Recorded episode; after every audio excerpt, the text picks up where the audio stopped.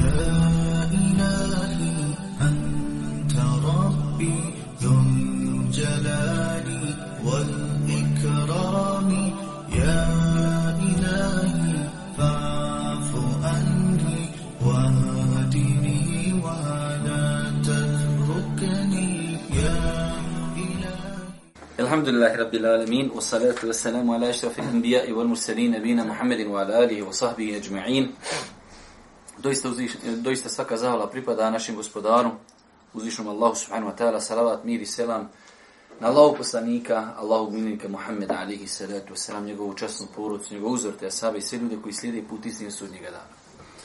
Braću moja draga, evo nas u još jednom terminu, čitaonice i četvrtak, odakšamo do jaci u ovom ljetnom periodu. Čitamo knjigu 40 hadisa imama Nevevija, odnosno komentar knjige 40 hadisa imama Nevevija od šeha Irudina i šeha Osmana. Večera se družimo s jednim izuzetno, izuzetno lijepim, interesantnim hadisom koji nosi doista, doista mnogo pouka i poruka. Sama činjenica da su naši autori iz ovog hadisa spomenuli 33 pouke i poruke, to ukazuje da e, o kakvom se hadisu radi. Naime, imam Ennevi, iako mu to nije bio običaj, ovog puta je napravio jednu malu iznimku da je spomenuo bukvalno dva hadisa zajedno, da bi se jednostavno određeno značenje još dodatno pojačalo. Pa imamo prvi hadis koji bilježi ima muslim, od Neuvasa ibn Sam'ana radijallahu ta'ala da je Allah poslanik ali se ratu salam rekao dobročinstvo je lijepo ponašanje. Dobročinstvo je lijepo ponašanje. Riječ dobročinstvo u arapskom jeziku je nešto sveobuhvatno. Znači svaki vid dobrog djela, počevši od e, životinja, ljudi i badeta, sve živo jedna riječ je dobročinstvo. Je lijepo ponašanje. Znači ako hoćeš dobro djelo, hoćeš dobročinstvo, onda je to lijepo ponašanje. A grijeh je ono što te u prsima tišti, a ne želiš da to ljudi saznaju imamo dvije stvari. Imamo grijeh, imamo dobročinstvo. Pa je dobročinstvo lijep ahlak. Najsveobuhvatnija značimenca lijep ahlak. Grijeh je ono što te tišti u prsima i ne želiš da ljudi saznaju. Kad uđeš u situaciju, nešto bi uradio, ali ne znaš može li ili ne može. Onda vidiš kako grudi reaguju. Bilo li da to ljudi saznaju? Imaš tamo neki 13 profila na Facebooku.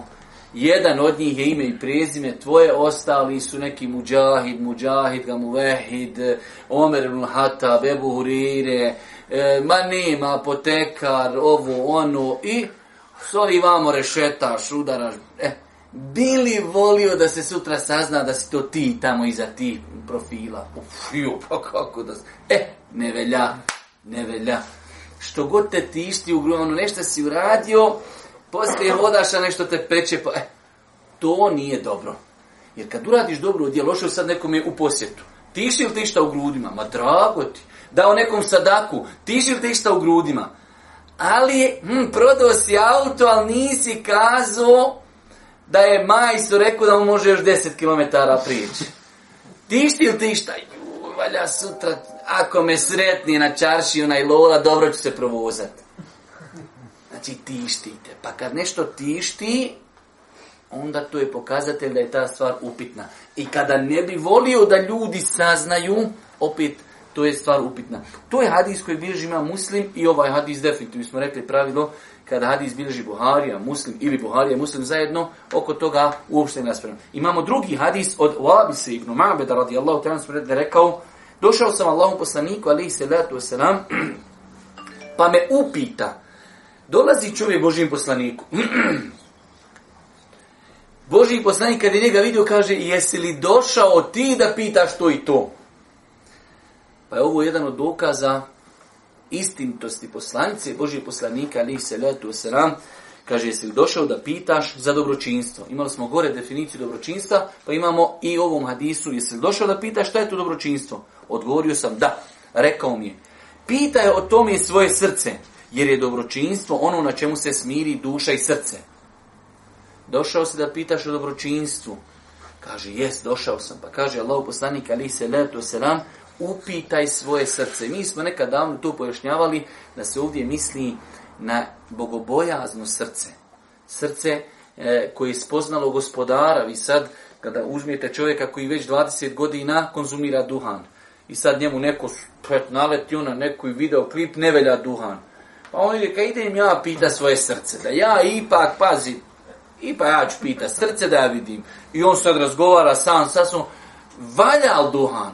U, a pogotovo i zajutra sa kafom, aj, ma ja šta vek valja.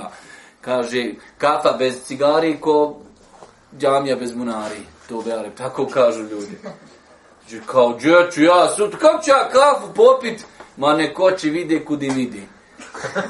I završeno kaže, srce morali? Ma može. Pa koliko? Tri šteke, kaže. E, tri kutije dnevno. Dobro je, idemo. Allah neki dan mi jedan brat priča za svog jednog rođaka.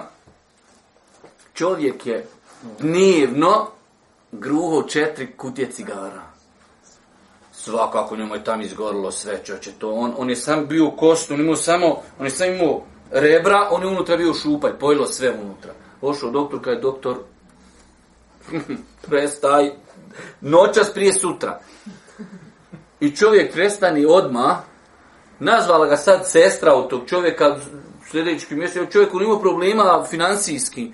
Veli, treba, ali šta te pomoći, što ću, ja ne znam sa šta ću od paraka. I za mjesec dana 450 maraka čovjek u šparu. Za mjesec dana 450 maraka čovjek u šparu. La ila, na današnjici to je penzija. Imaš ljudi žive od toga. Imaš ljudi žive od 450 maraka, ih vi to, haha, i da je toliko, izaći da je izaš na 450 maraka. Pa taj, znači, koji je već 20 godina duhan i pita on sam sebe, to ne, već to se, znači, mu'minsko srce koji se boji Allaha, vjeruje u sudnji dan, opodi se prema ljudima onako kako bi volio da se ljudi opodi prema njemu i tako dalje. E to mu'minsko srce koje ima još senzore imana, ima senzore neprestanog Allahovog nadzora, E onda srce pitaš, eh dobro, je li to dobro? Pa kaže Allah poslanik, prva stvar, upitaj srce i kaže ono na čemu se smiri duša. To je ono malo prije, znači kad uradiš nešto dobro, jednostavno na tome ti je smirena duša. Evo, obišao si roditelje, dao si sadaku, otišao si na namaz u džemat, klanjao si noćni namaz, zikrio si, pročitao si knjigu, bio si na dersu. Na tome ti se srce smirilo, uradio sam neki hajr danas. Ali kada nekog prevariš, nekom je slažiš, nekom je podvališ, ovo, ono, je se na tome srce smirilo? Definitivno nije. Pa kaže Allah poslanik, nakon što je dao odgovor, šta je to, znači dobročinstvo, kaže Allah poslanik, a grijeh je ono što ti uznemiri dušu i što uključava tvojim prsima, pa makar ti učeni ljudi odgovorili suprotno. Ovdje ima jedna klauzula na dodatak onom gore hadisu. Grijehe ono što te muči, ok. Pa makar ti ljudi dali odgovor da to može. Vi danas imate ljudi, on posluša jedno predavanje, rećemo čija safeta i tamo vidi še safet iznio dokaze, kamata haram. Ali trebam ja sad, ja živim u Švicarskoj, u Bosni dol imam kuću trospratnu, već dvije godine nisam obio pločice nikakve, ograda mi je već stara dvije godine valja rosrajnu da se ne bi zahrđala slučajno, i valja mnogo toga, more li ikako kamatni kredit? Kad tamo ti na Google Hazreti more li? More, elhamdulillah, evo ga more. A ti u dubin duši znaš šta je še i tamo rekao ne mere. Bitno je da je meni neko rekao da more, elhamdulillah, ženo idemo, ti si mi ženo žirant, još ću punca zavaliti i on će biti. Potpisuj, elhamdul, skidaj ogradu, bacaj u staru železo, idemo nova, nek se ona fino sjaji, pločice, skidaj, dvije godine iste koji mi rok upotrebi, skidaj nove pločice i tako dalje. Pa makar ti neko i reko, ali ti bolan ubijeđen, ne možeš prevariti Allaha Đelešanu. Allaha Đelešanu znaš šta je u tvojim grudima. Ti znaš da je to zabrajeno, ali u roku je meni pa je taj more. I to je to. Pa ova klauzula je bitna, makar ti ljudi rekli da to može, a ti znaš da to ne može. Pa ovo zaista, zaista e, su dva e, hadisa. Prvi hadis je rekli smo kod imama muslima, e, definitivno, jer odostojem. Ovaj drugi hadis, oko njegove vjerodostojnosti ima razilažen kod islamskih učenjaka, ovdje su to naši ovi autori ispomenuli, ali definitivno njegovo značenje potvrđeno vjerodostojno hadisima. Vi znate da u hadijskoj nauci imate nešto što se zove pojačavanje hadisa, odnosno, kada imate hadis daif, ali njegovo značenje svjedoči drugi vjerodostojni hadisi, onda to jača taj hadis da se on može uzeti kao dokaz u islamu, pa tako i sam imam nevevi, rahmetullahi alihi, dok je ovaj hadis spomenuo, imam nevevi, rahmetullahi alihi, je bio veliki hadis učenjak, ukazuje, inšala, da, eh, ali selam, da taj hadis može se uzeti zbog općenitog njegovog značenja. Idemo na vrijednosti značenja hadisa. Ovaj hadis jedan od vjerovjesnikovi sallallahu alejhi ve sellem sveobuhvatnih i jezgrovitih hadisa. Čak šta više jedan od najsveobuhvatnijih hadisa jer riječ je el bir sveopći termin za svaki vid dobročinstva kao što je termin el ism sveopći termin za grijehe svejedno bili oni mali ili veliki. Znači, zašto je ovaj hadis širok? Zato što je Boži poslanik u njemu pojasnio dvije veoma bitne stvari za vjernika pojasnjuje termin el bir, dobročinstvo, i pojasnjuje grijeh. Kad vjernik nauči ove dvije stvari, naučio sam šta je dobro i šta je zlo. Znači, jednostavno u datom momentu, odnosno iz kojeg aspekta čovjek gleda, naučio sam svu vjeru. Ako znam šta je grijeh, i ako znam šta nije grijeh, jednostavna stvar, znači, e, riješio sam mnoga pitanja. Dalje. Uh, Na ovom hadisu se temelji islam, jer islam kao i ovaj hadis podstiče na lijepo ponašanje upozorava na loše. U sebi sadrži pojašnjenje i srčanih i tjelesnih dijela. Također, ovaj hadis pojašnjava stanje ljudi prilikom njihovog pristupanja nečemu. Da li su odlučni ili se dvoume pri činjenju određenih dijela? Dobro, tema hadisa. Hadis je osnova u govoru o dobročinstvu i grehu, te vrijednosti zdravog srca u islamu hadis je osnova u govoru o dobročinstvu i grijehu. Kada neko hoće govoriti šta je to dobročinstvo, hoće govoriti šta je grijeh, ovaj hadis mora se na njega vratiti. A isto tako, te, te vrijednost zdravog srca u islamu. Jer smo rekli mi, ako hoćemo definisati šta je grijeh i pitati srce, moramo e, pitati zdravo srce. Pa to ukazuje na vrijednost zdravog srca. Dobro, e, mislim da ove riječi, inšala, nam ne trebaju komentar hadisa. U ovom plemenitom hadisu nailazimo na pojašnjenje dobročinstva. Kaže se da je to lijepo ponašanje koje općentog značenja te obuhvata lijepo ponašanje čovjeka prema svome gospodaru. Zatim prema svome bratu muslimanu i općento prema svim ljudima, bili oni muslimani ili ne. Ili kako je to porašeno u drugom citatu da je dobročinstvo ono na čemu se smiruje duša. A duša se opet smiruje na onome što je lijepo od dijela i riječi, svejedno bilo to iz oblasti obhođenja ili ne. Interesantno je, braću moja draga, ako, poz, ako pogledate historiju umeta, vidjet ćete da većina sekti koji su se pojavljivale, jedan od razloga, jedan od razloga za stranjivanje sekti jeste što ljudi uzmu samo jedan dio islama. Ako pogledate mnoge sekte kroz istoriju, ako ne i sve, oni uvijek se pozivaju na islam, na poslanika, na hadis, ali uzmu dio, Pa imate danas jednu skupinu ljudi koja sigurno dobronamjerno e, kaže nas ne interesuje naš ahlak. Bitno je sam spoznao ja akidu, e, usul, tahakum. To je meni bitno. Ahlak je to, je, to je, kaže, to me ne interesuje. Što je neispravno, apsolutno neispravno. Nemoguće je, braću madre, neko spozna ispravno Allaha vjeruju Allaha, vjeruju sudnji dan i to se ne odražava na njegovo ponašanje. Na taj način padamo u onu zamku koju su pali bošnjaci kad kaže u mene je čisto srce, ja ne klanjam. Isto to, ja sam shvatio Allah, ja sam shvatio vjeru, ali u mene ahlak nula. E jesi shvatio, paša, svaka čast ja ga znam voziti auto, sve, ali na svakoj rasrci me ufati kamera. Ali ja vozim i tekako, e, voziš svaka čas, baš. Sam pitanje kad će ti uzeti i vozačku i saobraćajnu. Ja sam sinoć, eto, subhanla, koja koincidencija, sinoć u komentaru, ja od Salihina kompletno poglavlje, lijepo ponašanje.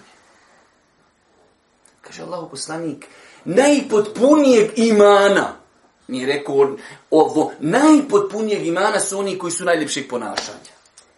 Vezuje iman za ahlak. Vezuje iman najpotpunijeg imana oni koji su najljepših ponašanja. Zato je lijepo da se vratite na Rejadu Salihinu, ono poglavlje koje govori o vrijednosti lijepog ponašanja. Pa kuća u džennetu, vrh dženneta, vrh dženneta za lijepo ponašanje. Najviše ljudi će ući u džennet zbog čega? Takvaluka i lijepog ponašanja. I onda čovjek kaže, ne, ne, ne, meni bitno sam shvatio akido, a lijepo ponašanje to, to kaže, na, nije uvjet. Pa ga vidiš, njegov odnos prema roditeljima, roditelji, e, koliko u toku dana seždi učini, toliko i njega puta proklinju roditelji, supruga, djeca, komšiluk, prijatelji, braća, poznanici, niko nije zadovoljan sa njim, ali ja sam kad je shvatio vjeru, meni je to bitno, da sam ja asal shvatio, ostalo me boli i briga. Pa je to Allaha mi svevišnjeg neispravna percepcija. Čovjek koji shvati ispravnu vjeru, mora, mora to svatanje ostaviti traganje njegovog ponašanja. Mora. Svakako svi ljudi griješi, svako može pogriješiti. Ali mora tu ispravno vjerovanje ostaviti traga na insana. Pa ovo, braću moja draga, jedna veoma, veoma bitna stvar. Kada govorimo o Allahu, ja znam da su nama ovako indirektno i direktno i svakako, halo, kaže, vi pričate o Allahu, vi pri... da, pričamo o Allahu i pričat ćemo do sudnjeg dana o Allahu. Pogledajte koliko Allah poslanik izrekao hadisa o Allahu. U osnovi, Allahu poslanik, oni koji znaju arapski jezik, kaže i nena bu'istu. I nena bu'istu. Oni koji znaju arapski jezik, šta znači to? I nena bu'istu. Riječ innema u arapskom je specijalizacija za nešto. Ja sam, kaže, isključivo i samo poslan da upotpunim plemenita svojstva kod ljudi. I nema, ništa vi. Boži poslanik svu vjeru, svu vjeru sažeo da je poslan da upotpuni ahlak ljudi.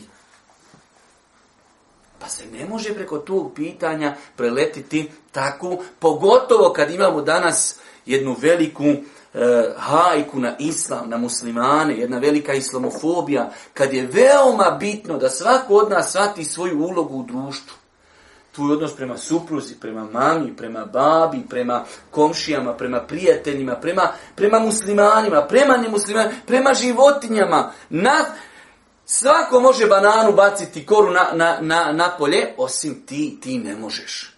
Svako može, na meni dosta puta na cesti dođe, ja sam dole živi u arapskom svijetu i dole je pravilo na cesti, snalazi se. Prestrojiš se na zadnju tamo traku i prođeš, odeš lijevo. To mora, ali kod nas ne može. Kod nas stoji 50 ljudi, ti se prestojiš i 51. Ja bi najradi još od dole, pored onoga prvog se parkirao, dadim žmigac, paša, prođe mi zaš. A ne može, neko će doći. Hadži, a brada, kapa, a, žena sjedi pored te pokrivena. To vi tako radite. 51. Još će ostati tri prazna mjesta, nek još se nekome ne uključi prije mene. Ne može. Nica mora pas na svoje ponašanje svu, na pijaci, svi mogu galami, svi mogu psovati, svi mogu prevati, osim tebe. Tebi se gleda paša sve živo. Drugima ništa. Na parkingu, svi mogu heravo parkirati, osim tebe. Ti moraš pravo parkirati. Po 20 santi na svakom mjestu da si udalje. 10 puta gore, dole, gore, dole, dole ga ne staviš treba. Ako niješ senzura. Svi mogu uopštini galamit na onog tamo što kasni s nekim papirom, osim tebe. Ti ne možeš galam, ti paša, mora on sto puta reći čekajte, čekam, sjedim, ja imam vremena, paš, mene se niđe ne žuri. Žuri se te više nek drugima, ali ti moraš biti saburni. Ti se moraš nasmijat. Ti kad prodaješ auto, ti ga kupiš za 3000, neko ti podvali, ga ti prodaješ za 500 maraka i ti kažeš, i znaš šta je 500 maraka i još ti moram reći i nevena. Čekić, e, ja rab, šta je sad ovo? Moraš, paš. Samo da te sve ne zove, Halo, je li to ona brada? Ma daj, bježite mi vi vaš islam. Pa mora se pazit na hlak. Mora se pazit na ponašanje. Mora. Jednom riječu, kratko jasno. Mora. Čime Allahu poslanik Ali i Selam zarobio ljudska srca? Svojim ponašanjem. Svojim ponašanjem. Čime je zarobio ljudska srca? Svojim ponašanjem. Pa braću moja draga, e, nemojte se poigravati sa tim. Nemojte se poigravati sa tim. Svi mi koji krenimo putem javnog prakticiranja islama, nije to više samo tvoj islam. Ko što naše sestre kad nose mahramu, nisi ti više pod namnim znacima, ne, ne, tvoja mahrama sad, sad je, ti si neka druga osoba, tijela ti to privat ili ne, na tebe drugačije gledaju. Ne, a gotovo, tebe drugačije gledaju. Pa insan koji redovno klanja, vanštinom pokazuje islam, onda mora paziti kako se ponaša. Dalje. Hadis također pojašnjava šta je grije. Pa kaže da je za dotičnu osobu grijeh ono oko čega se koleba poput neke sumnje u propis ili slično. Grijeh je ono što uznemirava dušu te ne bi voljela da drugi znaju zato o njoj od pobožnosti da se ta sumnja i nedomica ostavi kako bi se sačuvalo upadanje u zabranjeno i da se prihvati ono, onoga na čemu je duša smirana. Mi onda kad smo govorili onaj hadis poznati komentar el, el halalu bejinun wal haramu bejinun wa bejinuma umuru muštebihatu la jalim unne kathiru min nas dugi onaj hadis halal jasan, haram jasan, između njih su sumljive stvari, ko ostavlji sumljive stvari, sačuvaju vjeru, sačuvaju čast. Taj hadis ima jake veze s ovim hadisom sumljiva stvar, nešto me kopka, šta je? Stop. Ne čini je dok ne riješiš tu dilemu šta ću sa tim. Dobro, da uzmimo e, na brzinu ove pouke i poruke iz Hadisa. Podjedan. Ovo su dva hadisa. Međutim, budući da govore o istoj temi, smatraju se jednim hadisom, pri čemu drugi dio svjedoči prvom. Rekli smo to kad smo komentarisali, nije običaj imama nevjer tako radi, ali znači u ovom slučaju radio, zato što e, vidjeli ste u onom donjem hadisu imaju neke klauzule koje nisu gore spomenute u prvom hadisu. Dalje. Ovaj hadis je jedan od primjera poslaničke muđize. Allahu poslanik sallallahu alaihi ve sellem oba, obavijestio prenosioca hadisa u Asibu o razliku o razlogu njegovog dolaska prije nego li je progovorio. Došao si pitati o dobročinstvu i grehu. Inače, pravo, braću moja draga, jedna od stvari koja ne da nikako prostora za sumnju da je Boži poslanik bio poslanik, jesu i muadžize. Pa znači, bez imalo sad, ono, hajde da kažemo, mi sad navlačimo, zato mi smo muslimani, sad mi želimo da svoju religiju, svoju vjeru predstavimo najbolju. Ne, Evo, hajde, znači, govorimo onako racionalno. Koliko stvari koje, znači, jednostavno nemoguće da se desi nekom osim koga pomogni Allah na tom putu, se desile Božijem poslaniku. Mjesec je pa ponovio. Kao mi ne vjerujemo, ajde ovo na zemlji, ti nešto dole, voda između tvojih prstiju, pa ovo, pa ono, nešto na... Ajde da vidimo na nebu nešto. Hoćemo se mjesec pa ponovio. Hoćete, evo ga mjeseca popolovio. Ma kaže, o, Boga mi opet nije, ne zna, kaže, ti si nas obsirio.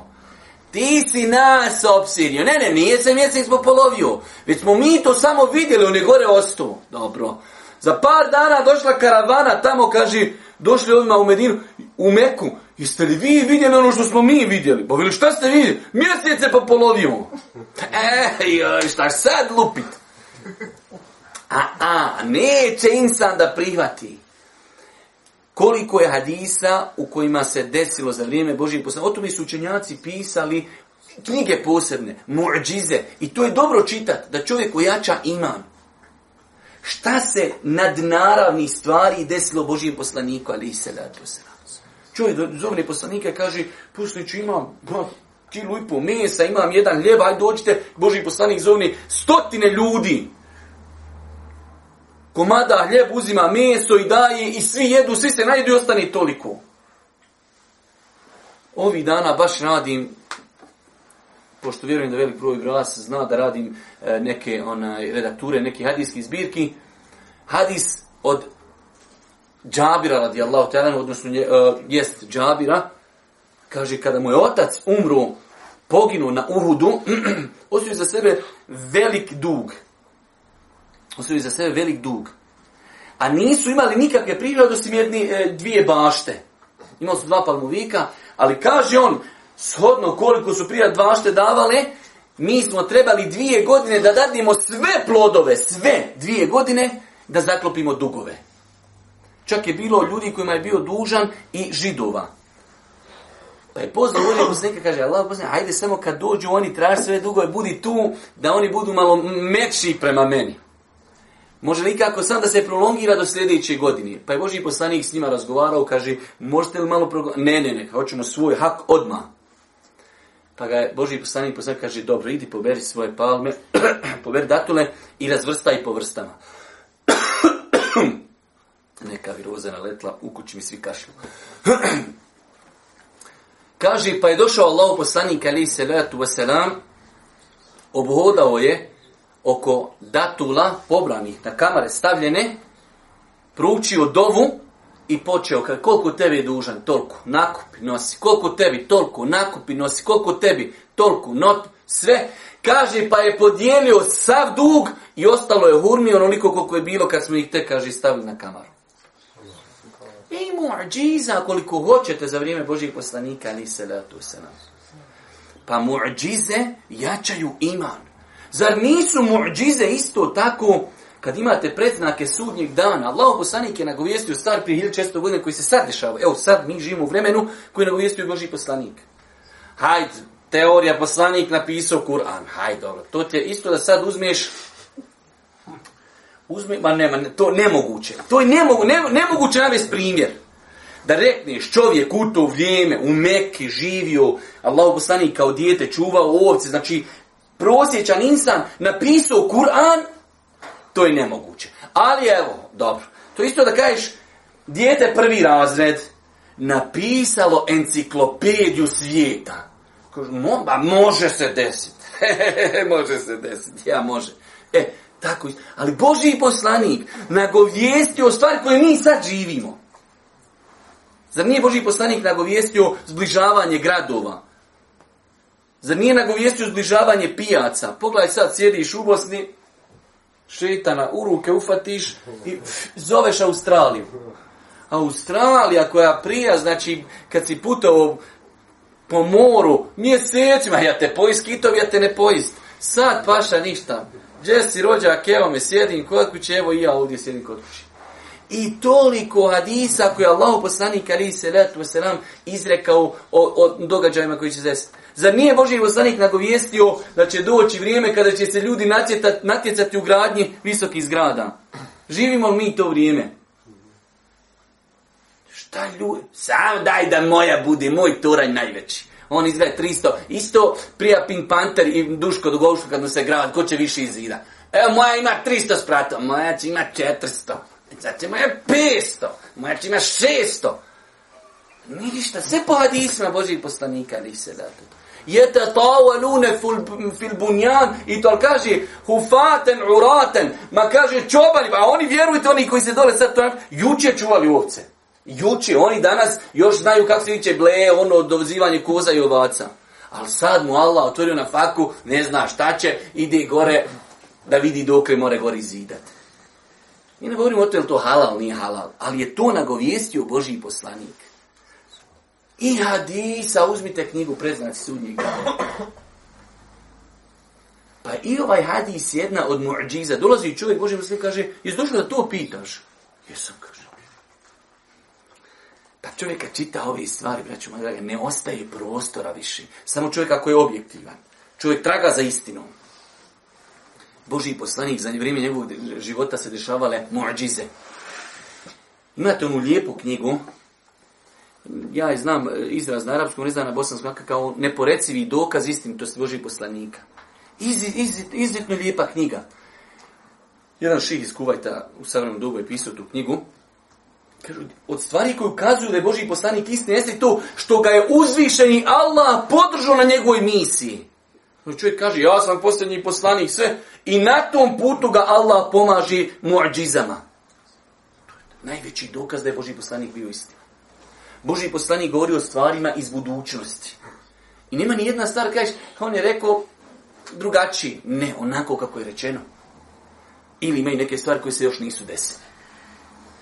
Pa tu jača čovjeku iman i svakako, znači, čini čovjeka da bude 100%, ako ima ikakav veći procenat, ubijeđen, ovo je hak, ovo je istina, ovo je Allahu poslanik, posljednja vjera i tako dalje. Dalje, broj pit. I sad Isa saznajemo za veliko interesovanje poslanikovi sallallahu alaihi veselem drugova za spoznajom dozvoljenog i zabranjenog dobročinstva i grijeha. Više sam puta govorio o tome da su ashabi, čak imate u, u, u biografiji ovoga ashaba govor, da je ostao jedan period maksu živjeti kod Božijeg poslanika, da bi imao priliku da postavi koje pitanje Božijem poslaniku. Znači, posebno, znači njegovi su narodnjaci otišli, ne ostao godinu dana da još živi samo da gleda poslanika svojim očima i da mu ima priliku postaviti koje pitanje. Pogledajte, nakon ili često godina, mi se okoristili smo njegovim pitanjem koji je postavio Allahom poslaniku, ali i se da tu osram. Dalje. Hadis definiše dobročinstvo i grijeh. Definitivno, to je srž. I sad Isa saznajemo da dobročinstvo ostavlja traga na srce i dušu, a taj trag jeste smirenost i spokojnost. Te kako je Islam lijep? Dolazi čovjek, pita za dobročinstvo, poslanik mu pojašnjaje što je dobročinstvo, a isto ga mi shvatamo da dobročinstvo ostavlja traga na ljudsko srce. Zato sjećajte kad sam ja više puta o tome govorio, kada Islam ne bi imao, a ima mnogo drugih stvari, ali jedna od stvari, blagodati slime, jeste da si, da si murtah. Što Arapi kažu murtah? Da si u rahatluku. Vidite sad čovjek koji praktikuje vjeru kako treba. On fino sad završi predanje i ode dole, ode pored Sebilja, ode tamo na Felafile, ode klanja. Rahatluk, nema telohrantilja, ne boji se ga neko zviz, neko traži, neko sačekušu, neku napravio, ništa, faša, hoda, rahatluk. Raha, niko te ne traži. Nisi slagu, nisi prevario, nisi ovo, nisi ono. Kad vidiš čovjeka oko njega, e, kaže, sto auta, 50 auta ide pod iste boje i sad se ne zna u kojem je on auto. Ja, raf, šta ima veze, nek se zna, Pezić vozi Fiat, to je. Ali, kad imaš problema sa pola planeti, moraš se sakrivat ko, ko, ko što se sakriva, razumiješ, gušter letaš pod zemljom, pa s avionima, pa pod podmornicama, pa vako, pa nak, pa alarmi, pa kamere, sve živo tebe čuva. Zašto? Pa je da ne bi nekome palo na pamet, kao je halo, ba pa dosta je tebe i tvoji belaja, više i cijeloj planeti. Pa, pa su dobra djela rahatluk. Rahatluk. Pričao sam onaj događaj, i po njemu je Mešari snimio onu ilahiju Omeru, radijallahu ta'ala, kad mu je došao na izaslanik iz Perzije, Pa je tražio, ome je sećam te kise, kad smo još koliko mladi studenti u Jordanu radili taj događaj, kad smo učili arapski jezik, kad je došao taj zaslanik Perzije tražeći Omera. Ne, kaže, Omer ti je tamo iza Medine, jedno ga spava. Nošao tamo, tro, prvo traži su Medinu, uopšte nema Omera. Kad je ošao tamo, Omer, podreve tamo. O, Arapi imaju običaj taj na pudni spavat. Omer, stavio cipel, kaže, pod glavu, hrči, spava. I tada sam učio glagol, mustagrikun fineumihi duboko spava, trese se zemlja koliko spava. Ti ovi, ovi pljačkaši, on ti paša spava, znate da ima, da ima teorija da zid spava na jedno oko. Jedna dežura, jedno spava i onda se odmori i ovako spava. E tako vam pljačkaši spavaju paša. On spava na jedno oko. Ovo razgleda. E, dobro je, naspavalo se ti, hajmo drugo. Kaže, Omer tako nije spavao. Omer zatvori oči, stavi cipelu pod zemlju i na zemlju spavao i to izvan Medine. Moraš ga doći, odvuć ga gdje hoćeš. Spava, rahatnog. I zato on kaže, eminte, adelte, ti si, kaže, bio pravedan. Zato moraš tako spavat. Gdje su, gdje su kod njega stražari? Pa kod nas nema stražara, Omer je toga tu spava. To je rah, vallaj vam kaže kad islam ne bi imao, a ima alhamdulillah milja, iledu drugi koristi, osim ovu, da te čini da hodaš zdrav, prav, da se ne bojiš nikoga, ne stidiš nikog, ne bežiš ni od koga. Špionku neko kuca, koli je jarab. Nije pošao, ko je Dobar dan, šta ste trebali, izvolite, ja sam taj, svima otvaram vrata znate kako kad ljudi, kad imaš petljancu, pa šalj dijete, šta je, ko je, babo je, vošao se, perisao se, ja tam babo se sakrio za vrata i...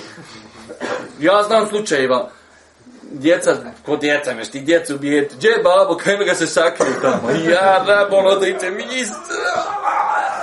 Pošao sam bolan. Pogriješio malo dijete, jedno na fitri, ne zna slaga. Kao, jedno babo tamo, kaj sakriju se šta ti to treba, bola, nideš uzdignutog čela, ništa, ne, nikad ne petljaš, nikad ne lažiš, ni utvod ne kradiš, nikom nisi zakinu, ne prodaješ auta, ne podaješ minska polja, ništa, hodaš paša, uzdignute glave, fino, čego koga vidiš, sela, malikum, kako ste, dobro smo, i završen nikakvi blindirani auto, ću te izmislu, auto, pogodi ga, epi, ne vremu ništa, čovječ, da bi se on mogu tamo sakriti. Ja sam gledao auto, čoveče Kalašnikov uzme iznutra kamere, puca u njega, ništa, čoveče, obijaju se meci, isto da gađa u duvar, čoveče. Što će ti takvo auto? Niče s autima i čurat, čoveče. Evo, njemu je rad svaki dan. Njemu je rad svaki dan. On ratuje usnu sam protiv sebe. Dalje. Sinomi, sinonim bir, to jest dobročinstvo, obuhvaća djela vezana za unutrašnjost i spoljašnost osobe. Definitivno. Kad kažemo dobročinstvo, misli se na ibadete koji su srčanog karaktera i na ibadete vanjskog karaktera. Dalje. Hadis ukazuje na uzvišeno mjesto ahlaka, to jest čudi. Pojašnjava da je lijepo ponašan jedno od najboljeg dobročinstava, te time podsjeće na njegovo usavršavanje. Definitivno se. Rekao sam vam, zaista savjetujem Zaista savjetujem da čovjek se vrati na knjige koje govori o vrijednostima ahlaka. Jedna od njih je, imate poglavlje, po zaboravio sam koji je broj, sinoć smo ga imali, poglavlje lijepo ponašanje u Rijadu Salihin. Dalje. Ahlak u sebi sadrži sve vidove dobročinstva. Dalje. I sad Isa zaključujemo da dobročinstvo prouzrokuje smiraj. Dobročinstvo prouzrokuje smiraj. Rekli smo dosta puta, čovjek kad uradiš dobro dijelo, kako se osjećaš? Kad obiđeš bolesnika, kad nazoveš svoje rotelje, javiš im se, kad dadiš nekom sadaku. O, znači jednostavno smiraj u grudima. I vjerujte kad ibadeti, dobročinstvo prema ljudima, ne bi imalo druge nagrade osim to, kako se čovjek lijepo osjeća. Pomogu s nekom bratu muslimanu, on je u nekoj nevolji, traži za njega Sergiju, evo od mene, za džamiju si dao, pomogu si komšiju, pomogu si brata, valaj, osjećaj zadovoljstvo, sreću koja se ne može kupiti.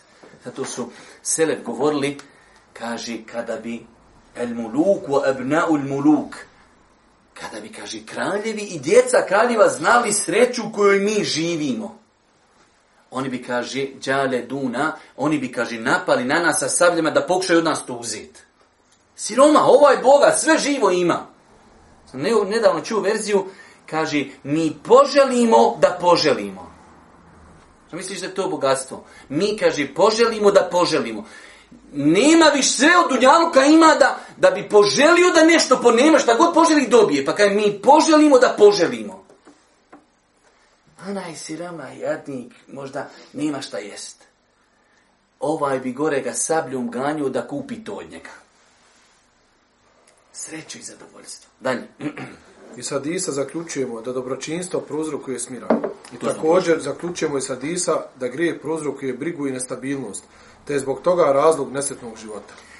Vidite, braću moja draga, bez ob, sad ne mora znaš da je glavni razlog, ali vidite, e, ovaj psihički poremećaj danas ljudi na planeti. Otiđite, mojte vjerovat Pezeću, Pezeć nekad ne uči redovno zikrove, pa more nešto i lupit. Otiđite u apoteku i pitajte koji se lijekovi najviše prodaju. Nakon Viagre, najviše, i možda i prije Viagre, kako koji grad, depresija. Depresija paša tu. Od čega dolazi depresija? Pa ovdje prevari, ovdje slag, ovdje zavrnu, ovdje odvrnu, ovdje pre... Paša, pa ti si napijet non stop, ju, kuće me otkriči, me se označi, napijet danas, napijet sutra, daj mi ta lete me malo ispušu. E, evo ga, opet sutra na... Depresija, grijesi, problemi, ne znaš što živiš, u danas do sutra, kuća, posao, posao, kuća, šta ja znam, ne znam, nija šta znam, Paša dosadi to. Depresija. Tako da znači, e, e, kako kaže ovdje, da zaključujemo da iza Risa da grije prokuze koji brigu, nestabilnost. Briga. Da li će... Pazite, kad čovjek radi neki belaj, evo reći mu u porodci, da li muž vara ženu ili žena vara muža. Znaš, koji, koji tu kameleon moraš biti? koji tu, vam se kunim, koji tu kameleon moraš biti. Ti sad, evo rećemo, ajde nećemo da se ne bi ljutile žene, muško vara ženu. I ti si sad došao tamo, neđe si pravio neke belaje, dolaziš ti kući, baš ono, gdje ste raja, šta ima? A dole vrije, i ako mi se javi ona moja, ako mi žena pročita njenu poruku za davčene. Ono, sve s njima, aj, gdje ste, šta ćemo reći vape? Ako mi žena vidi poruku, pogledat ću ti. I tako. Znaš, koji je to? To ti je, Željezo, vruće hladno, vruće uvodu, izvodi, uvodu, izvodi. A paša da crkneš, da pregoriš, da, te, da su ti najjači osigurači na planeti koji imaš, prigorćeš, crknućeš. Nesigurnost, nestabilnost. Ja znam, kad neka neke osobe iz braka, muške ili žene, kaj taj spava s mobitelom, on, moraš mu skin noge, moraš čorapi, moraš ga odmušati, neće se probuditi, dirneš mobitel samo. On se odmah budi, u WC sa mobitelom, on cipere oblači nogama, ne smije pustiti mobitel. Sam moj mobitel pusti, zašto? Pošto umre, nije umre, sam ja sad neki melek, nešto, Umre se djeca, igraju s mobitelom, žena, kogod hoće. Umre nekad neko, smije mobitel. Ma smiješ, paša nožka 15 dana, šta ima vezi? Nima u njemu ništa spurno. A ovaj koji ima, on ima še šifri, njega ne mere hakovat, nema teorije ga moraš hakovat. Što će tolke šifri? E, pa zato što ima šafer ima. To je briga, paša, vjeruje mi briga. Samo ću kad će me otkrit, kad će saznat, mm, daj kljukaj tableta da malo zaboravim, da malo Red Bull dadni kril, da malo prolipam. Zato, alhamdulillah, islam, islam te čini Allah mi sve više. Uživancija, bo. valah je uživancija. Treba u potijekama tamo imati lijek, sam nakon papir, islam, evo ovo, gospodine, ovo, tri puta dnevno popiješ na prazno i to je to. Depresija. Rijadu Salihin, pročitaj, nauči, paša, skakat ćeš ovdje, vidjet ćeš što, što hodaš. Depresija, Kur'an, Hatma, samo pročitaj, završena, kakva depresija? Dalje. Grijeh je omražen kod ljudske zdrave i ispravne prirode i bića. Definitivno. Grijeh je omražen kod, kod ljudi čija, čija je priroda normalna, zdrava. Grijeh je omražen. E sad, kad vremenom, kad vremenom čovjek znači čini često grijeh, jednostavno da dođe na nivo, čak možda da, ko što imate danas ljudi, imate danas ljudi, tako mi Allah kad vidi ženu koja je pokrivena, on se ljuti, što srdi se tamo, kad vidi otkriven ništa, ne reaguje, pogledajte koliko su, ot, koliko su parametri otišli. Logično bilo, ako se nešto ljudi ljutimo se nešto nemoralno u drugu. Ne, ne, ne, ne. On se ljuti na moralno. Ali razumni, normalni ljudi preziru grijeh razum čovjek normal kaže jesi ti ev, kad je došao Božji poslanik onaj momak kad Božji poslanik će imam veliki problem dozvoli mi blud oh, da vidimo pogledajte kako reaguje zdrav insan Bili ti kaj voli da neko uradi blud s tvojom majkom? Bilda, ne bi. Sa sestrom, ne bi. I tako dalje. To je normalan insan.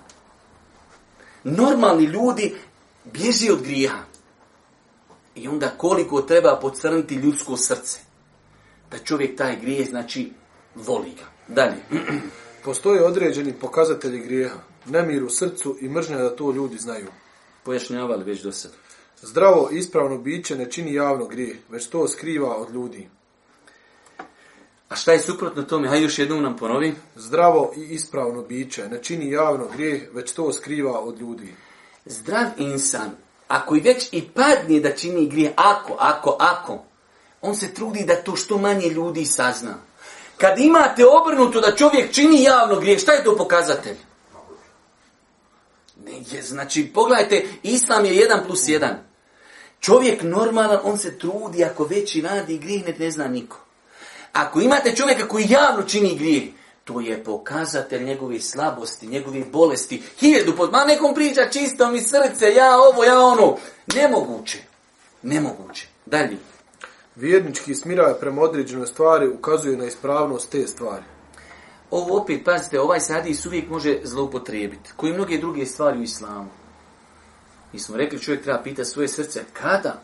kada srce ima bogobojaznost, o tome će nam poslije kazati e, korist ovom hadisu, kad ima bogobo, kad ima ilm, kad ima šerijetsko znanje, pa postavi svome srcu e, pitanje. Pa kad imate neka čovjeka, ko što se desilo Ebu Bekru i Omeru, znate kada je Boži poslanik veselio, pa nakon smrti Božijeg poslanika u jednom e, kratkom periodu desio se onaj e, ridet, otpadništvo velikog broja arapskih plemena. Pa je došao Omer radijallahu ta'ala, znate kako je Omer bio odlučan u životu. Pa sam kaže, došao Ebu Bekru, Omer, spri, e, Ebu Bekr sprima vojske i čete koji će ići borce protiv tih ljudi. Omer koji poznat po svojoj nekoj nazomu je strogoći. Kaže Ebu Bekr, kako ćeš se boriti protiv ljudi? Poslanik je rekao korektni la ilaha illallah, zaštićena mu je krv. Kaže Ebu Bekr, zato nije zabilježeno u historiji Ebu Bekrovoj da je ikada donio pogrešnu odluku. Nikada. Znači, biografija Ebu Bekra nima ni jedna pogrešna odluka. Kaže Ebu Bekr, onaj ko napravi razliku između zekijata i namaza, ja se kaj protiv njega borim. Kaže Omer, pa sam ja shvatio, pa sam vidio njegovo ubjeđenje, kaže, da, je, da sam ja, kaže, shvatio da je to hak istina. Zato kad čovjek nešto, ja znam da je to apsolutna istina.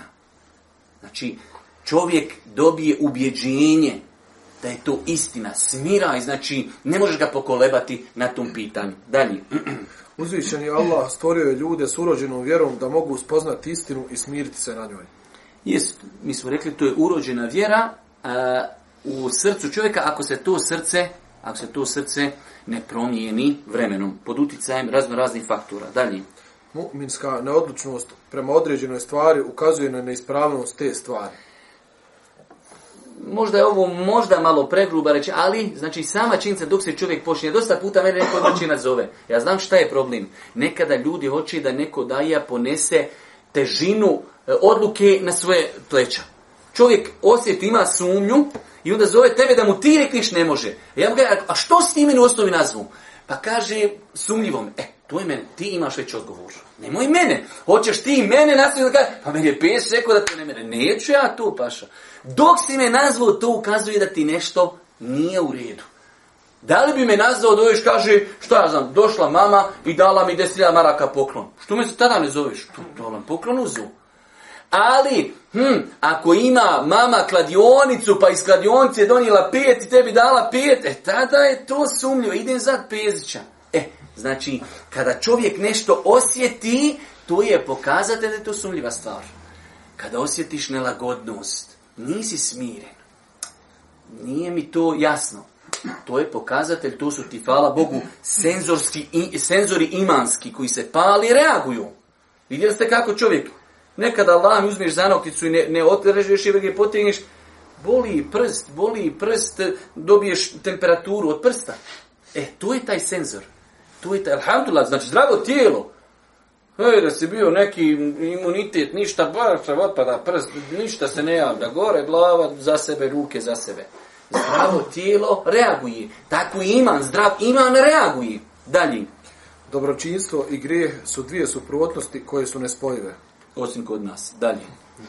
Zdravo srce koje je na pravom putu i pojma temeljne vrijednosti s vama i njegova pravila može ispravno donijeti sud u sumnjivoj prilici ono u čemu nalazi smiraj istina je, a ono prema čemu osjeća nedoumicu neistina je. Cijelo vrijeme u osnovi to je srž hadisa. U, u datom momentu kad čovjek zapadne u kriznu situaciju, nema koga nazvat. Vraća se na nešto što je temeljno. Sumljivo mi, ako ništa, stop. Sjećate kad smo govorili e, o, o sumljivim stvarima, dok se ne razjasni sumljiva stvar, stop. A tu može tvoje srce prepoznati imam nešto, znaš taj, nudi mi se neki posao, ali ima tu 1, 2, 3, 4, 5. Dobro, možda će se tu izbalansi, možda će neko da to, ali u startu mi je sumljivo. Nemoj početi, onda kaj, evo ja počeo šta ću. Ne, ok, zaustavi da vidimo rješenje. Pa te zdravo srce može, može jednostavno upaliti u tebi taj alarm da se zaustaviš. A to je, alhamdulillah, mu'minu dovoljno. Dalje.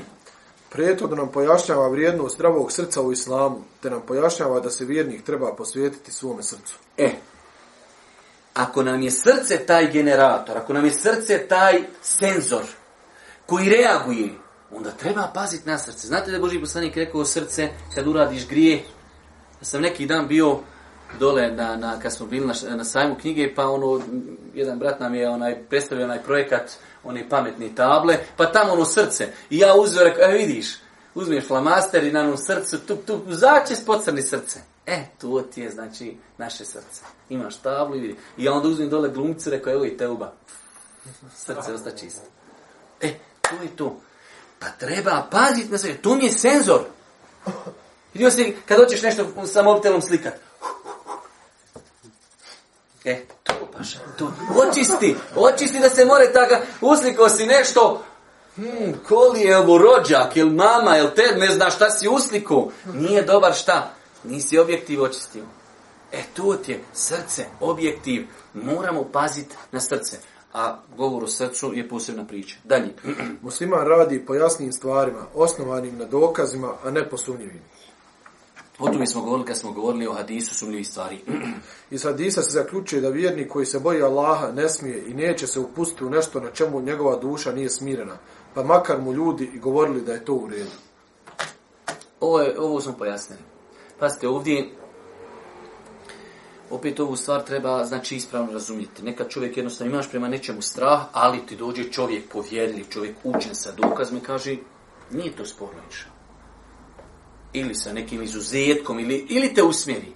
Ali ovdje se prvenstveno misli na ovu situaciju kad ti si uvi, znaš da to nije dobro, ali bitno mi je naći nekoga ko će to meni ohalalt. To što je tebi neko rekao, može i ti ono sutra kad te ljudi vide, pa što to radiš? Pa to sam ja. Ti lažiš sebe, lažiš drugi. Ko što mu Sejlema El Kezab, kad, je, kad mu je došao onaj Ashab, pa on kaže, ti znaš da ja znam da si ti lažac. Ti znaš da ja znam da si ti lažac. E, to je to. Znači, sad je meni bitno da ja kao ljudima reknim, ljudi, ja sam nekog pitu. A ti znaš da nije to tako. Dalje. 25. Osoba u sunjivim situacijama, ako želi da učini određeno djelo, može se vratiti svom srcu. O tome smo cijelo vrijeme govorili, 26. Dozvoljeno je se vratiti svojoj duši pri prihvaćanju određenih šerijatskih pitanja, pod uvjetom da je ta duša ustrana na pravom putu i uputim gdje će uzvišeni Allah pod pomoć onoga kod kojeg se uoči iskren nijet. O tome smo govorili, znači uvjet rada po ovom hadisu jeste iskrene namjera, jer vidimo ovdje kada ono hoće neko da opravda svoj cilj, daj mi nekoga da mi to ohalali. U osnovi ne tragaš za istinom. Iskren nisam kao, ja sam vas nazvao, mene ne interesuje, hoću odgovor. Ne, ne, ja znam onoga da on takvi daje odgovor, trebam njega nazad. Nijet u islamu je mjesto nijeta bitno, mnogo bitno. 20, 29. Ne smije se zavarati osoba sa odgovorima ljudi, ukoliko u tome ne nalazi smiraj. Mnogo ljudi pitaju učenu osobu, a nakon njegovog odgovora nalaze se u nedomice. Da li takva osoba može pitati drugu učenu osobu? Može, čak šta više, to mu je stroga obaveza. I ovaj, i ovaj govor e, šivova naši je definitivno ispravan, ali e, znači, može se izlopotrijebiti. U osnovi kad čovjek pita, osnova, treba početi s vrha. Koga pitam? Pitam najučenijeg i najbogobojaznijeg. To je vrh. I znate kako ljudi napravi sve probleme? Meni ima dosta nekad se ljudi... Kaže, znaš šta je? Pitao sam, kaže, već prije čest da jedem još... I... Ne, stop, nemaš više šta pitat, završeno. Šta hoćeš? Svaki novi odgovor ti ćeš više nećeš znaš šta ćeš uraditi. Počni s vrha najučeniji, najbogobojazniji. Gospodine, može li to? Ne može ga dobiti. Idemo niži dole. Najučeniji, najbogobojazniji i tako dalje.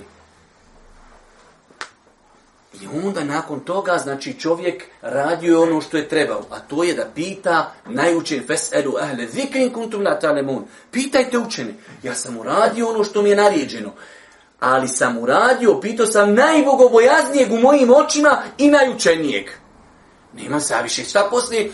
Pa nešto mi se nije srce smirilo. Pitu si, uradio si ono što tebi Kur'an naređuje. Kur'an ti naređuje, pitaj.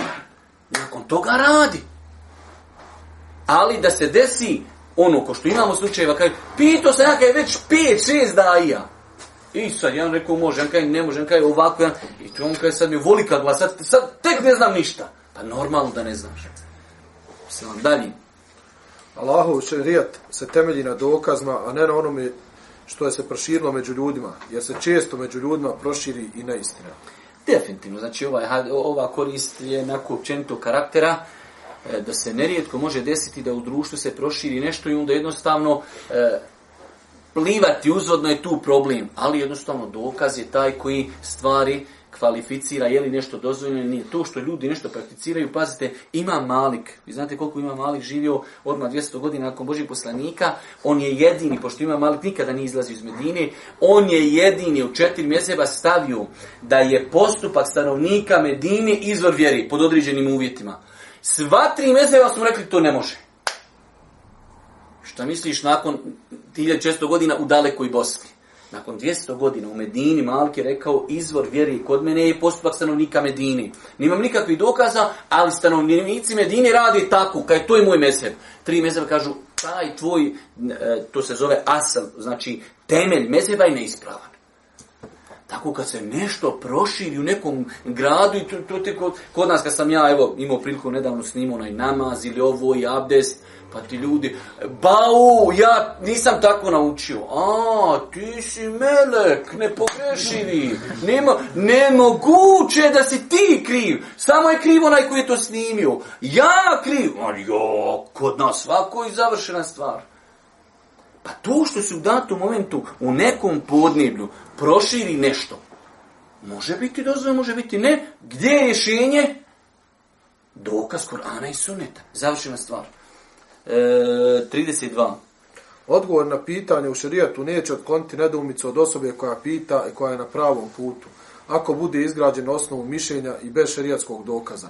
Međutim, ukoliko učena osoba odgovori na osnovu dokaza, osoba koja pita obavezna je prihvatiti odgovor, čak i da ne nalazi u svojim prsima smiraj naspram odgovora. To je ono što smo malo prije spomenuli. To je ono što smo malo prije spomenuli i broj 33, tim ću inšali završiti.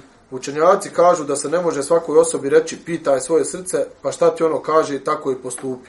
Te riječi se mogu reći samo onima koji su slični ashabu Abisi radi Allahu an, te jest onima koji su željni neprestanog dobra, koji imaju mnogo znanja, čiste su duše, visoke inteligencije i sposobnosti raznanja i razlučivanja. A što se tiče većine običnih ljudi, njima se ne kaže, pitaj svoje srce, već im se kaže, pitaj učenu osobu čije znanje i bogobojaznost imaš povjerenja. Radi i postupaj po njegovim odgovorima, pa makar se tvoje srce i ne smirlo na njima. Jer je uzvišen Allah rekao, pitaj učene ako vi ne znate. Znači, to je srž. Ali rekli smo mi prije toga, ovo jeste, ovo je srž eh, kad mi imamo mogućnost da pitamo. Mi smo došli u situaciju, u životnoj smo situaciji, trebamo nešto uraditi pa nam je postalo sumljivo. Ono što minimalno u datom momentu možemo uraditi jeste da stanimo, da ne uradimo ništa. Da se naš senzor imana u srcu upali, kaj, stop, nešto mi nije u redu. Šta ću uraditi? Ako nisam kompetentan, ako, ako, ćemo, ako mi je srce zadimljeno nekim razno raznim onaj, vakcinima i virusima, pitam učenog čovjeka. To je ono što je meni Kur'an naredio i nakon toga pitam učenog i bogobojasnog. Zato smo spomenuli ta dva uvjeta, pitam neko ko je za mene najučeniji u mojim očima i neko ko je najbogobojazniji. Ja njega pitam, možda će poslije to meni, pa znaš taj nešto mi to malo još, ne imaš ti više šta. Ovo ti je čovjek rekao, zato si pitao učenog i bogobojazan. Učen je, znači ima znanja, bogobojazan je da ti rekne ono što je ispravno nakon toga kad se znači objedinuje dva svojstva e, pri insanu kojim se postavio pitanje, radi ponove, pa makar ne daj Bože, po najgoj verziji to bilo neispravno, tebe će Allah pitati po onome što ti on odgovorio. Molim Allah Žešan da nas uči se i putu istinu. Amin. Allah. Amin. Amin. Amin. Amin. Amin. Amin. Amin. Amin. Amin. Amin. Amin. Amin. Amin. Amin. Amin.